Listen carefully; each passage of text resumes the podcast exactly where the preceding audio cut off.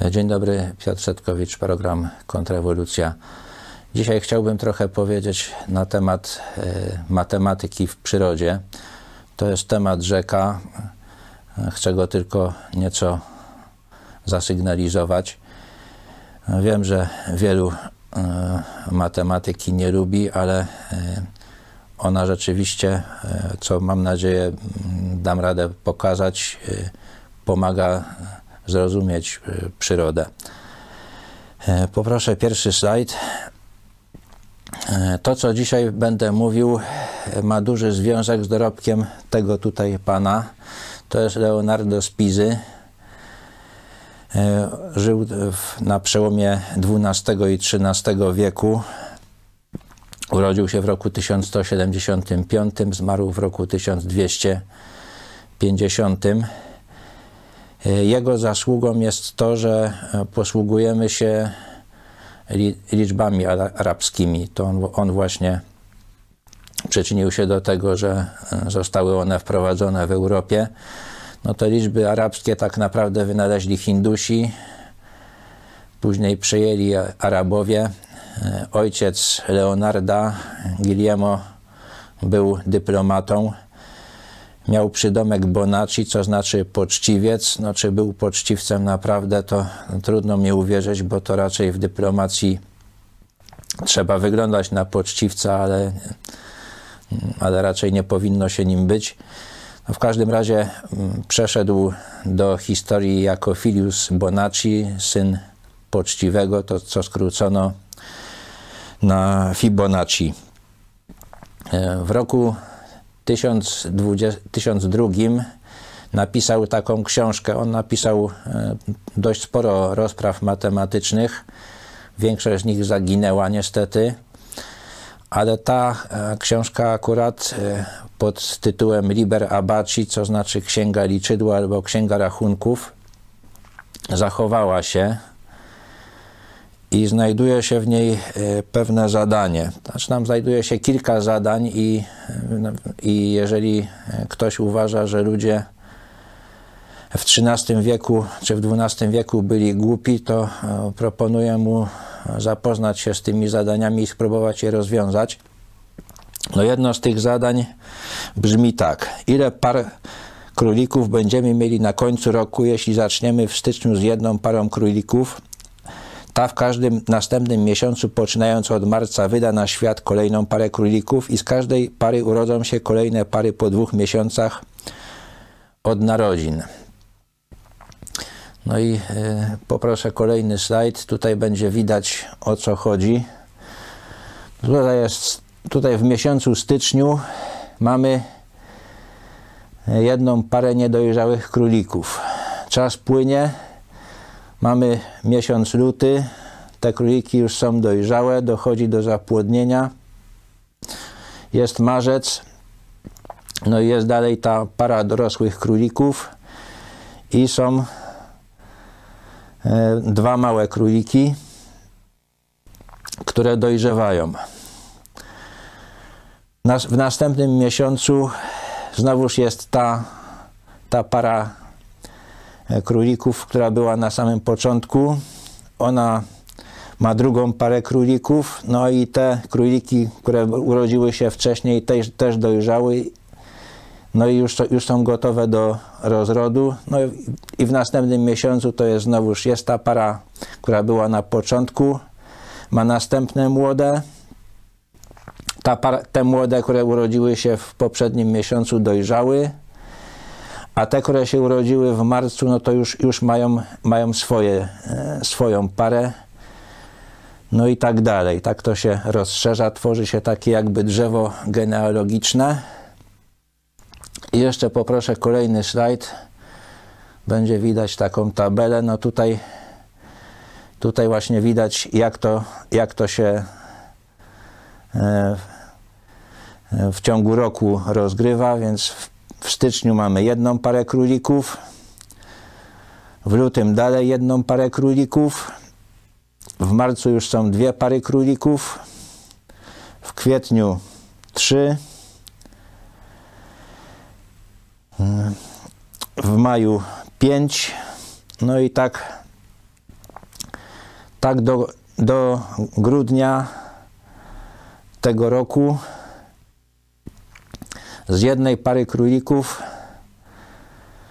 otrzym, otrzymalibyśmy e, w takim scenariuszu 144 pary królików. No to jest właśnie taki, no, taki, taki przykład, co to znaczy, bo to nawet jest takie wyrażenie przysłowiowe, że ktoś czy coś się mnoży jak króliki. No i y, powie ktoś, że to jest bardzo nierealistyczne podejście, bo po pierwsze to do tego, żeby króliki osiągnęły dojrzałość płciową, to potrzeba więcej niż dwa miesiące. Po drugie, nie zachodzą w ciążę tak często. Po trzecie, jeżeli już, no to y, królica potrafi urodzić w jednym miocie nawet do 10 młodych. No i też mm, każdy doświadczony hodowca królików by powiedział, że też dużo królików zdycha, co nie jest tutaj uwzględnione. Ale tak to często bywa e, z, e, z modelami obliczeniowymi, że pewnych rzeczy się nie uwzględnia, pewne rzeczy się nie, się przeszacowuje, pewnych się nie doszacowuje i w pewnym zakresie takie modele działają.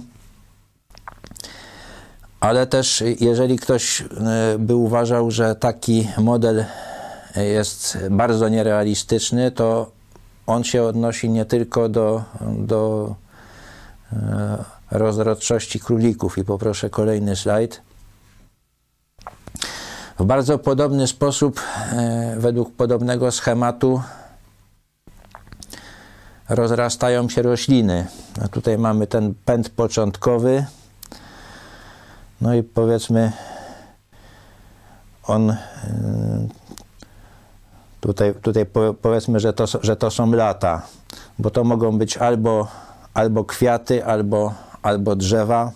No powiedzmy, że to jest drzewo po dwóch latach mm, dochodzi do, do tego, że ten pęd wydziela z siebie następny pęd, no i potem co roku z tego pędu od, odrasta, odrasta kolejny pęd. No jeżeli będziemy sumować ilości tych pędów, to otrzymamy właśnie podobny, podobny schemat jak, jak w tym zadaniu Fibonacciego o królikach. No, w taki sposób rozrastają się krwawniki, a z drzew dęby. To z tego, co się dowiedziałem, to te, te rośliny najbardziej e, się trzymają tego schematu. Także ilość gałęzi w dębie i ilość pędów w krwawniku to właśnie można liczyć też według tego, według tego ciągu. Ten ciąg ma taką naturę, Właśnie to jest ciąg, czyli, czyli tam co, co skończoną, można tak powiedzieć, że jest, że jest jakaś liczba naturalna, co jest liczba miesięcy, czy liczba lat. No i, i y, ta wartość tego, tej funkcji się y, zmienia w zależności od, od, y, od takiej liczby naturalnej. Tak jak, jak to można powiedzieć, że, że no króliki, no to no to nie ma ich, nie ma, aż się urodzą w pewnym momencie, no i też tego pędu nie ma, nie ma, aż, aż, aż powstanie. No i ten, ten ciąg ma taką, taką naturę, że, że kolejne wyrazy można obliczać na podstawie poprzednich, że trzeba znać tylko dwa pierwsze, no i tutaj w tym wypadku to jest jeden i jeden. No i ten trzeci to jest, to jest suma dwóch poprzednich, czyli pierwszego i drugiego. Potem następny to jest suma też dwóch poprzednich, 1 i 2 to jest 3. Potem mamy 5, to jest 3 plus 2. Potem jest 8, to jest 3 plus 5. No i, ta, no i tak to yy, narasta do nieskończoności. Yy, ten ciąg wydaje się bardzo prosty, ale, ale ma dosyć ciekawe właściwości. No, z jednej strony, no to jak widać, to to, to jest taki, taki ciąg, którym się opisuje wzrost. jakichś układów y, biologicznych, właśnie czy to królików, czy to, czy to roślin. Ale też ma, ma ciekawe właściwości y, już takie rachunkowe. To na przykład jest takie coś, że co czwarta liczba jest w tym ciągu jest podzielona przez 3, co piąta jest podzielona przez 5, co ósma przez 7. I też ten ciąg Fibonacciego, jak go nazwano, ale to na cześć Fibonacciego, ale, ale dużo później, dopiero w XIX wieku. Edward Rika, jeśli ja dobrze wymawiam jego nazwisko, zaproponował, żeby na cześć Fibonacciego w taki sposób nazwać ten ciąg. No więc ten ciąg ma jeszcze taką, e, jedną z wielu niezwykłych cech, to, to jest ta, ta, że to jest tak zwany system liczbowy, czyli każdą liczbę można przedstawić jako sumę wyrazów tego ciągu, każdą, każdą liczbę naturalną. No i y, co to ma wspólnego y, z przyrodą? No poza, poza tym, że, że można policzyć sobie ilość pędów czy ilość gałęzi na jakiejś roślinie, to poproszę kolejny slajd. No tutaj jeszcze, jeszcze widzimy inną taką cechę tego ciągu, ciekawą. Co się dzieje, jeżeli, jeżeli wyrazy tego ciągu przestawimy w postaci kwadratów o, o bokach, e, o długości boków równej wyrazom tego ciągu. Więc najpierw mamy dwie jedynki, no to mamy kwadrat o boku 1 i drugi kwadrat o boku 1. Bez kłopotu możemy je tak dopasować, że, żaden, że, że, że będą e, tak, tak ułożone, że, że nie, nie będzie nic wystawało. No i potem następny wyraz tego ciągu to jest 2. No jak mamy kwadrat o boku 2, no to możemy go dostawić do tych dwóch, no i też nie będzie wystawał. I powstaje prostokąt 3 na 2. Następny, następny kwadrat E, jeżeli bierzemy ciąg Fibonacciego, będzie miał bok równy 3. No i też go możemy tak dostawić tutaj. No i powstaje prostokąt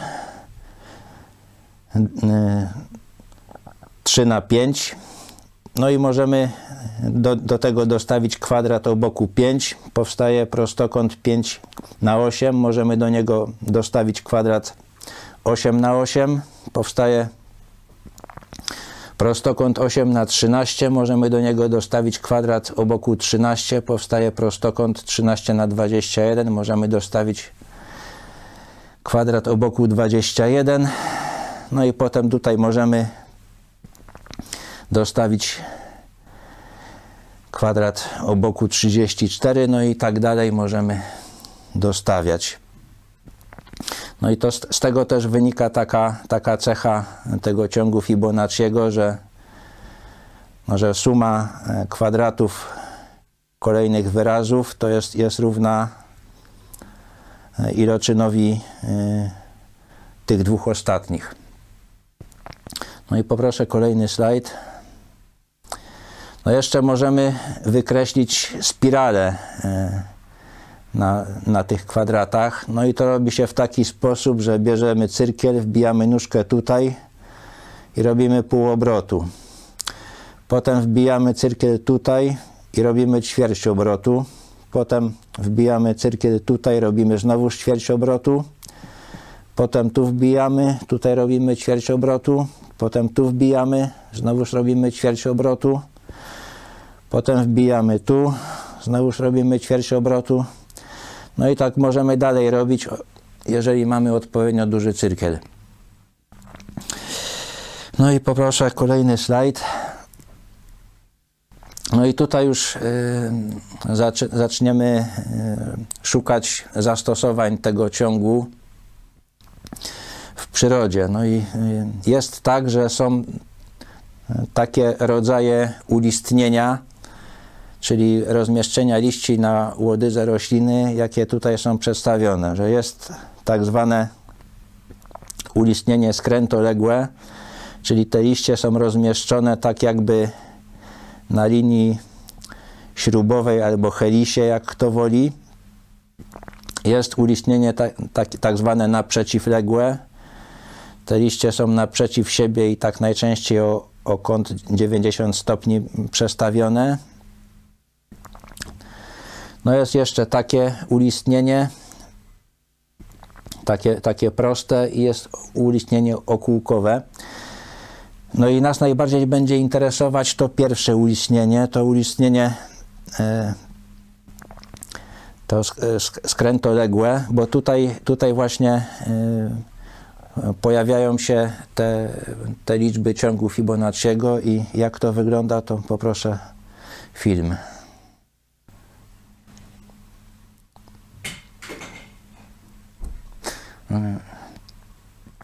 A nie, jeszcze, jeszcze no tutaj jeszcze to, to jest jeszcze, jeszcze taki e, wzór ogólny na, na ten ciąg Fibonacciego, ponieważ no do tego, żeby go, żeby go policzyć, to yy, przez długie, długie wieki trzeba było liczyć wszystkie wyrazy, bo żeby policzyć kolejny, trzeba było znać wszystkie poprzednie. Dopiero w XIX wieku, w 1843 roku e, Jacques Binet e, podał taki wzór, który pozwalał obliczyć wyrazy tego ciągu bez konieczności liczenia wszystkich innych. Jak na przykład chcemy znać setny wyraz tylko, no to, no to musimy to wymnożyć 100 razy i to wymnożyć 100 razy.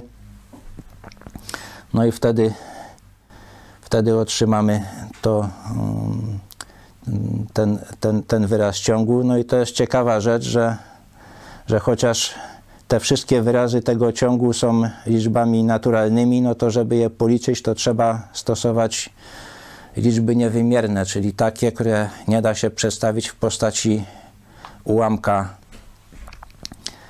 e, który, e, który ma i w liczniku, i w mianowniku jakieś liczby naturalne, bo właśnie pierwiastek z pięciu jest taką liczbą, której nie można przestawić w postaci y, iloczynu dwóch liczb naturalnych, no a jednak jest to taka liczba, która istnieje.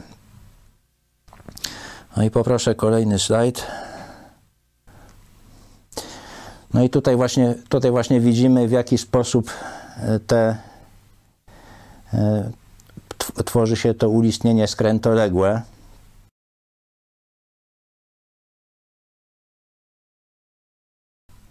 No i e, botanicy zauważyli coś takiego, że rośliny trzymają się takiej zasady, że, że ilość liści i ilość e, zwojów w tej linii śrubowej, na, na której one wyrastają, to są zawsze liczby Fibonacciego. I co to daje, to widać tutaj.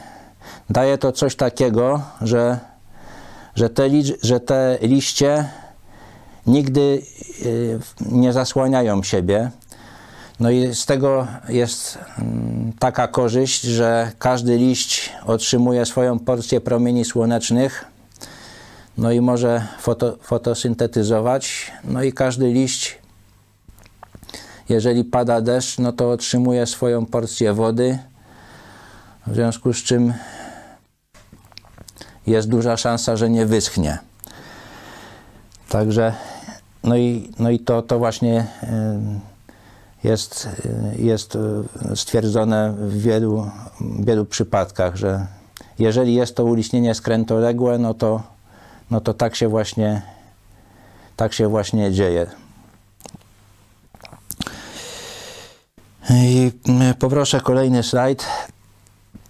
Ten ciąg Fibonacciego ma też inną ciekawą cechę, która się e, pojawia, kiedy zaczynamy e, kolejne wyrazy tego ciągu dzielić przez siebie. To widać, że, że, te, że te kolejne iloczyny zmierzają do jakiejś liczby. No i to jest tak zwana granica ciągu. E, ta, ta granica no, trochę się różni od granicy państwa między innymi tym, że państwo znajduje się tylko po jednej stronie swojej granicy, natomiast ten ciąg ciągi często są po obu stronach granicy i tutaj też właśnie tak jest. To widać, że ta liczba to jest tak mniej więcej 1,618 i tak dalej. No i widać, że ten ciąg, który powstaje, kiedy się dzieli wyrazy ciągu Fibonacciego przez siebie, to, to właśnie tak obskakuje te granice. Tutaj jest 1, czyli mniej, mniej od tej wartości granicznej, potem jest 2, czyli więcej, potem 1,5, czyli znowuż jest mniej, potem 1,66 i 6 w okresie, czyli znowuż więcej. No i tak, tak z obu stron coraz bardziej się, się te, te wy, wyniki dzielenia zbliżają do, do tej liczby, która stanowi jej granicę. I to jest, to jest tak zwana złota liczba. Poproszę kolejny slajd. Także ona tak w rozwinięciu, no to, no to wynosi tyle. To jest też, co, to jest też właśnie ciekawa rzecz, że ten ciąg mm, tych iloczynów, no to, no to są same liczby wymierne, no bo i w liczniku, i w mianowniku jest, jest jakaś liczba naturalna. Natomiast ta, ta liczba phi, do której ten ciąg zmierza, to jest liczba niewymierna. Ona została już w XX wieku, to zaproponował Mark Barr, e, oznaczona jako Fi i to, to jest na cześć rzeźbiarza Fidiasza.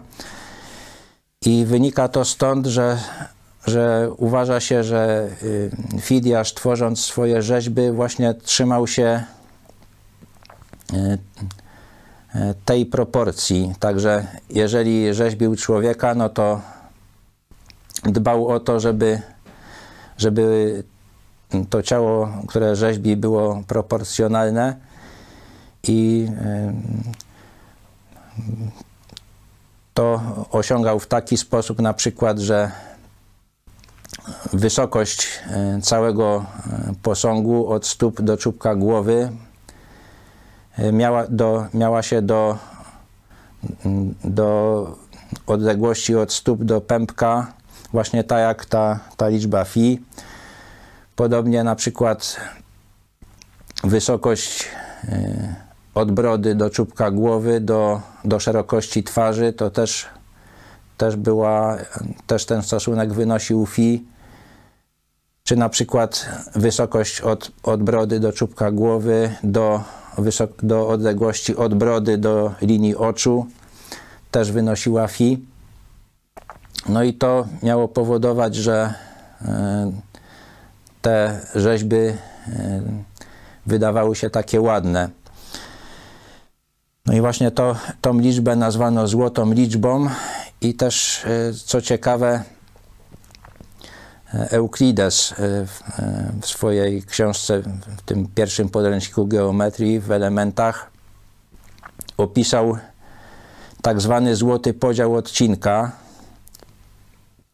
tam się znajdowało ten punkt, który dzielił odcinek właśnie w tym, e, w tym stosunku tak, e, takim równym, równym tej właśnie liczbie. E, także no, to wyrażenie, że trzeba znaleźć złoty środek, no to przeszło do, do języka potocznego. No i to z, z, tym się jakby no, niesie to taką informację, że trzeba coś, trzeba znaleźć taki sposób podziału, żeby to ładnie wyglądało. A tak właśnie jak, te, jak wyglądają ładnie te, te rzeźby e, Fidiasza. No i e, matematycy e, długo rozmyślali nad tą złotą liczbą. W XV wieku Włoski matematyk Luca Pacioli nazwał ją nawet liczbą boską.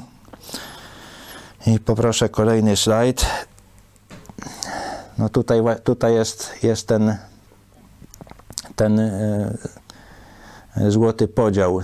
To on ma taką charakterystyczną cechę, że tutaj jest cały ten odcinek i, są, i jest ten, ten, ta jego dłuższa część A i krótsza B, no i on spełnia taki warunek, że, że jeżeli podzielimy długość tego, tego odcinka A do, przez odcinek B, przez długość odcinka B, to ona jest, to ten iloczyn będzie taki sam jak, jak, jak długość całego odcinka, czyli A plus B podzielone przez A. I poproszę kolejny slajd. Z tym złotym e, podziałem wiąże się jeszcze coś takiego, że można wykreślić tak, tak zwany złoty prostokąt. Czyli to jest taki prostokąt, którego proporcje są takie właśnie równe temu, tej liczbie phi, czyli jedna, jeden jest ten bok krótszy, no to przyjmujemy za równy 1, wtedy, ten, ten dłuższy jest równy phi. No i możemy zrobić coś podobnego, jak, jak e, robiliśmy m, wtedy, kiedy, e, kiedy m, się wykreślało tą e, spiralę Fibonacciego na podstawie tych, e, tych dodawanych kwadratów. Tylko tutaj, tutaj robi, się, robi się coś przeciwnego. Z tego, z tego e, złotego prostokąta ucina się kwadrat. Na tym kwadracie rysuje się ćwierć obrotu i to, co zostanie, to też jest złoty prostokąt. No tylko mniejszy. I od tego złotego prostokąta możemy uciąć następny kwadrat i tutaj znowuż wykreślić ćwierć okręgu. A to, co zostanie, to znowuż jest złoty prostokąt, tylko mniejszy, z którego też możemy uciąć kwadrat, też tutaj wykreślić ćwierć obrotu, no i znowu zostanie nam złoty prostokąt, z którego można uciąć kwadrat. No i tak można robić bez końca. I tutaj mamy, yy, yy, można, można powiedzieć,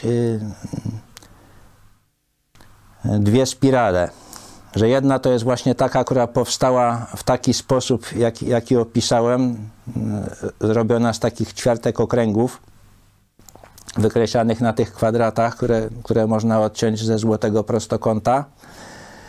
A druga to jest, to jest ta, tak zwana spirala logarytmiczna, e, która mm,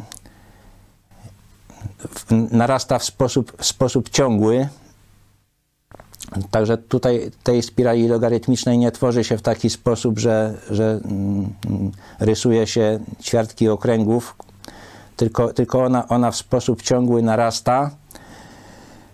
No już mniejsza o to, jaki jest, jaki jest wzór, ale ma tę właściwość, że, że co ćwierć obrotu odległość tej spirali od, od punktu początkowego jest y, większa o, o liczbę phi. No i tutaj jeszcze jest to tak zrobione, że, że, że są takie, takie jakby trzy, trzy rodzaje punktów. Że jeden, jeden z tych punktów to jest, to jest ta, ten, ten czerwone, te czerwone to jest, to jest ta spirala wy, wy, wykreślana jako jako e, ćwiartki okręgów. Ta zielona to jest ta, ta złota spirala, która, która e, jest, jest wynikiem obliczeń matematycznych.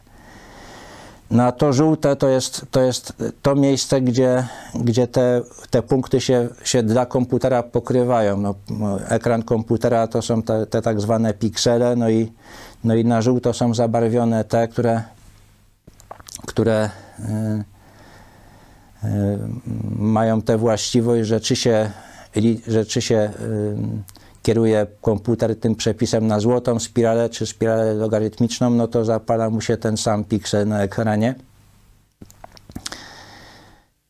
I no to z tego, z tego najważniejsze jest to, żeby, żeby właśnie zobaczyć, że te spirale no, w takim niewielkim przedziale to, to są właściwie, właściwie te same spirale, one są trudne do rozróżnienia. Oczywiście matematyk by się bardzo obruszył, gdybym powiedział, że to, że to jest to samo, ale no bo dla matematyka to jest ważna dokładność matematyczna, ale no na te potrzeby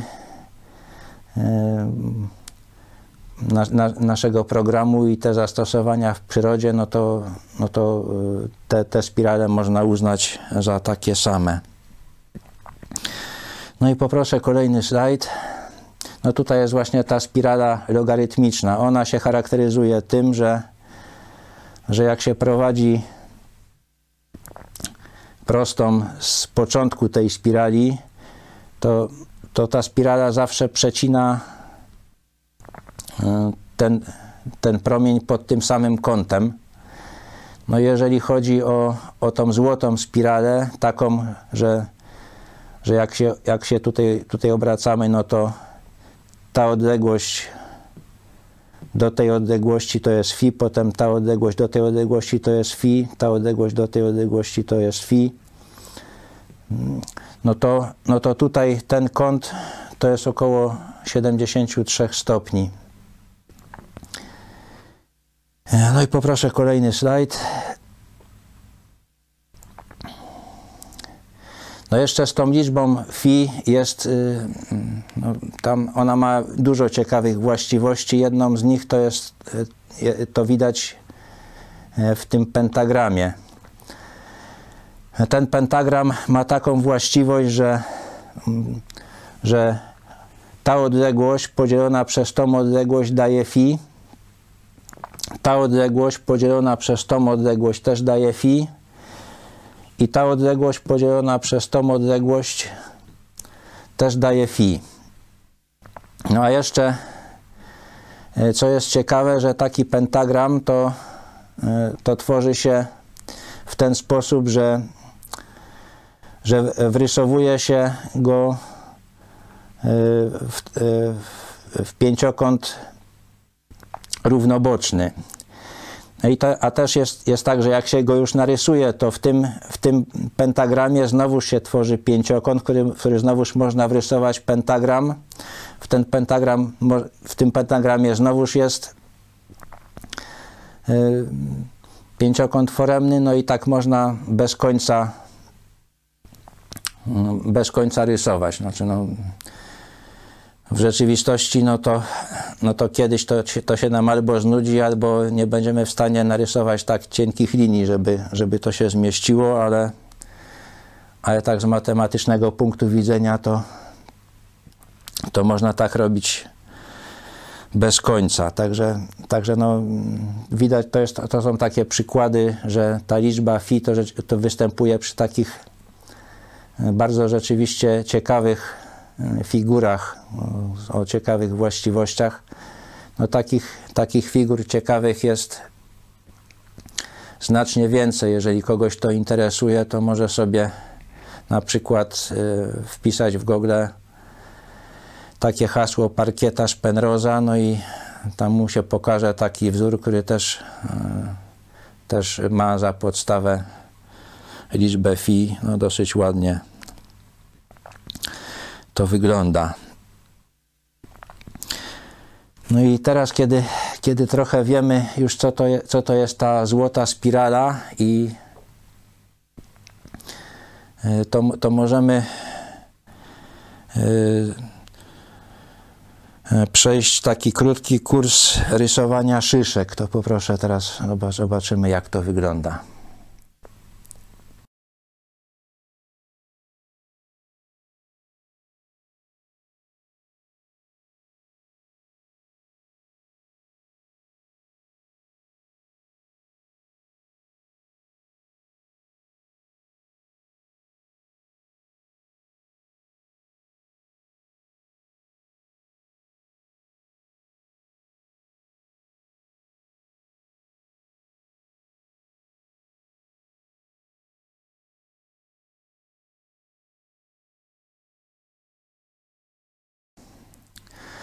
No widać tutaj parę rzeczy, no, zaczyna, za, między innymi to, że, że łuski szyszki są ułożone e, w takie, w takie linie śrubowe, i które jak się patrzy na nie z góry czy z dołu, no to, no to widzi się spirale. I to są właśnie te linie zbliżone do złotych spirali. Można je uznać za te złote spirale.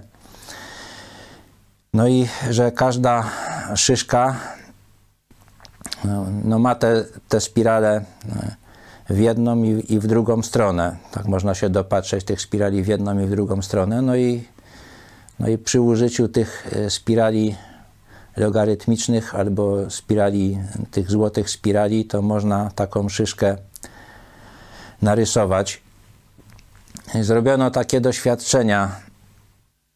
Przebadano 4000 szyszek sosnowych i sprawdzono, czy, czy tam rzeczywiście można się dopatrzyć tych spirali.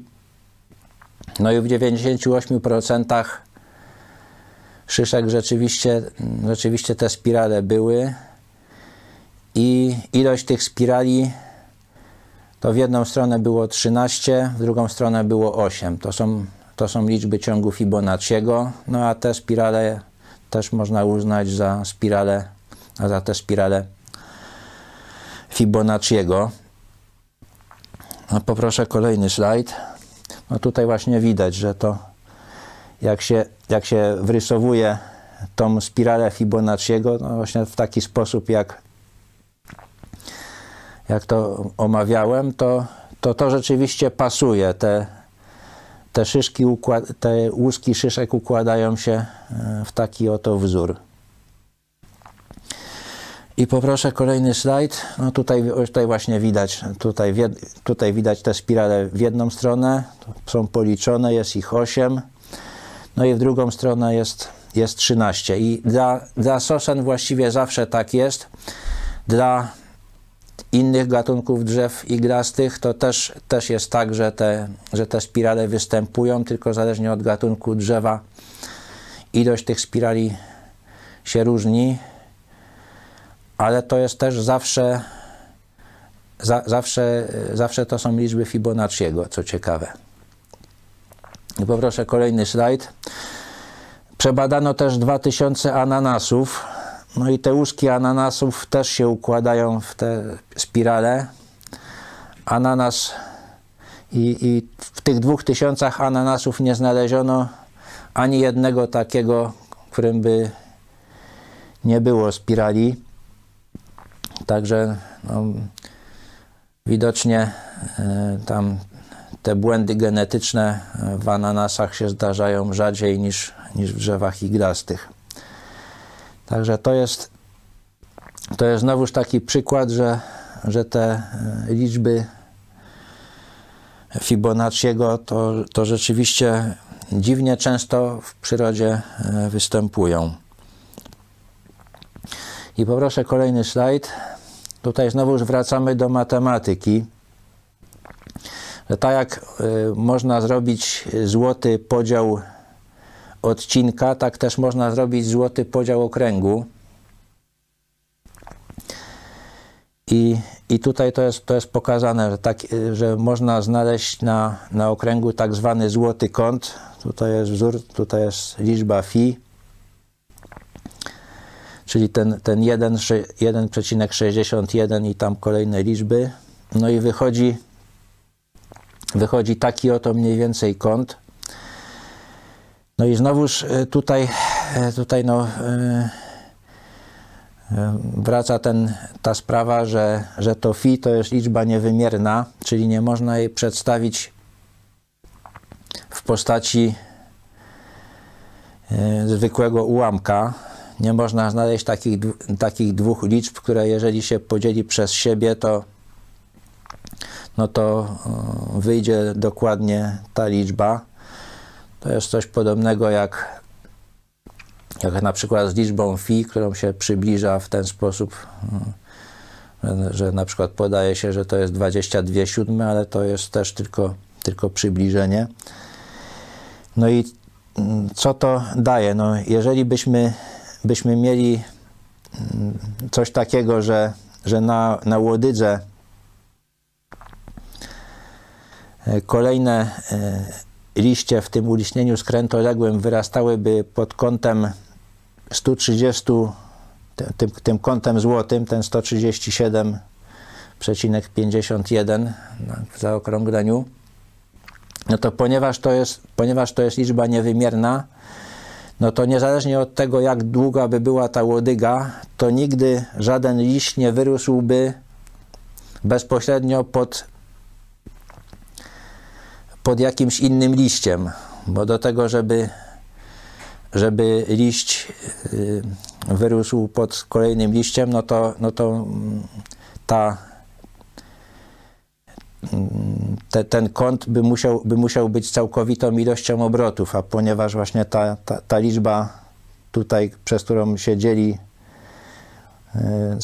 360 e, stopni, czy w tym przypadku mnoży 360 stopni, to nigdy, to, to jest liczba niewymierna, no to, no to nigdy nie będzie tylu obrotów, nie znajdziemy tylu obrotów, żeby jeden liść wyrósł nad drugim. Ale nie tylko, nie tylko y, przy, y, przy tym ulistnieniu łodygi to, to ma zastosowanie. No właściwie, do, ponieważ łodygi są zawsze o skończonej długości i to zazwyczaj niezbyt długie, no to, no to aż taki kąt aż taka dokładność nie jest potrzebna. No ale zobaczmy, co się dzieje, jeżeli e, mamy do czynienia z nasionkami słonecznika. I tutaj zobaczmy taką animację.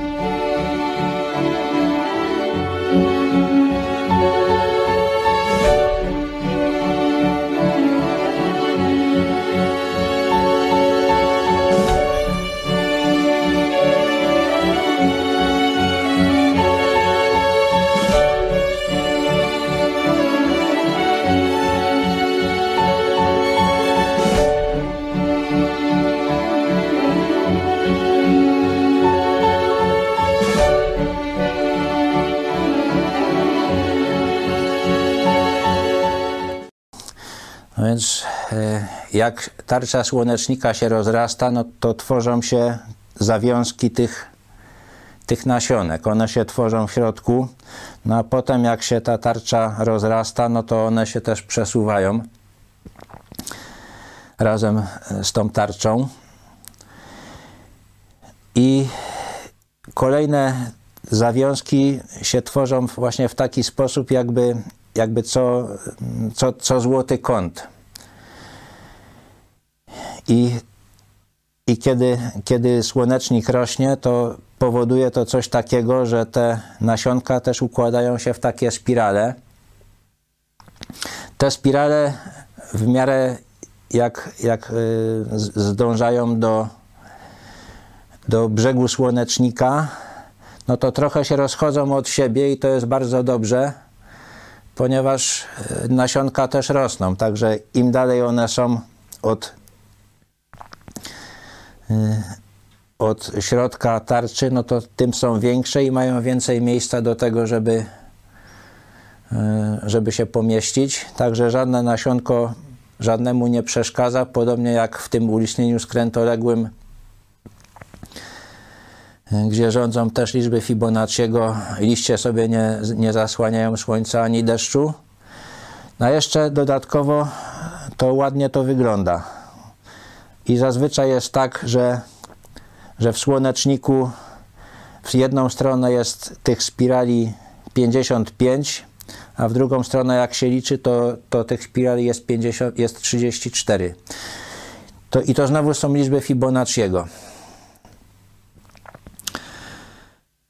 E, także, no i, no i to, to jest nie tylko w słoneczniku. To poproszę kolejny slajd. No tutaj mamy, tutaj mamy stokrotkę. Tutaj też są nasionka i można zobaczyć, że, one, że też, też one są tak ułożone spiralnie, czyli to w ten sam sposób wyrasta. Dodatkowo e, ta stokrotka ma 34 płatki. To też jest liczba Fibonacciego. Te, te mm, liczby płatków, które są liczbami Fibonacciego, to, to, spotyka się w kwiatach dosyć często. Nie jest to reguła, ale zastanawiająco często te, te liczby Fibonacciego to, to jest ilość płatków w kwiatach. Poproszę kolejny slajd.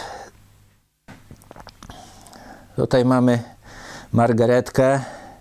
Ona akurat nie ma, nie ma, nie ma tylu płatków, ilości, ilość płatków margaretki to nie jest liczba Fibonacciego, ale nasionka są ułożone według tej złotej spirali, tak poprzednio. No i też to ładnie wygląda. No i yy, no co, co z tego wynika? No, mówi się nam, że y, ewolucja to jest proces losowy. No, rządził tym ślepy przypadek. No jeżeli rządził ewolucją ślepy przypadek, to też liczby, które charakteryzują te, te wytwory ewolucji, też powinny być przypadkowe.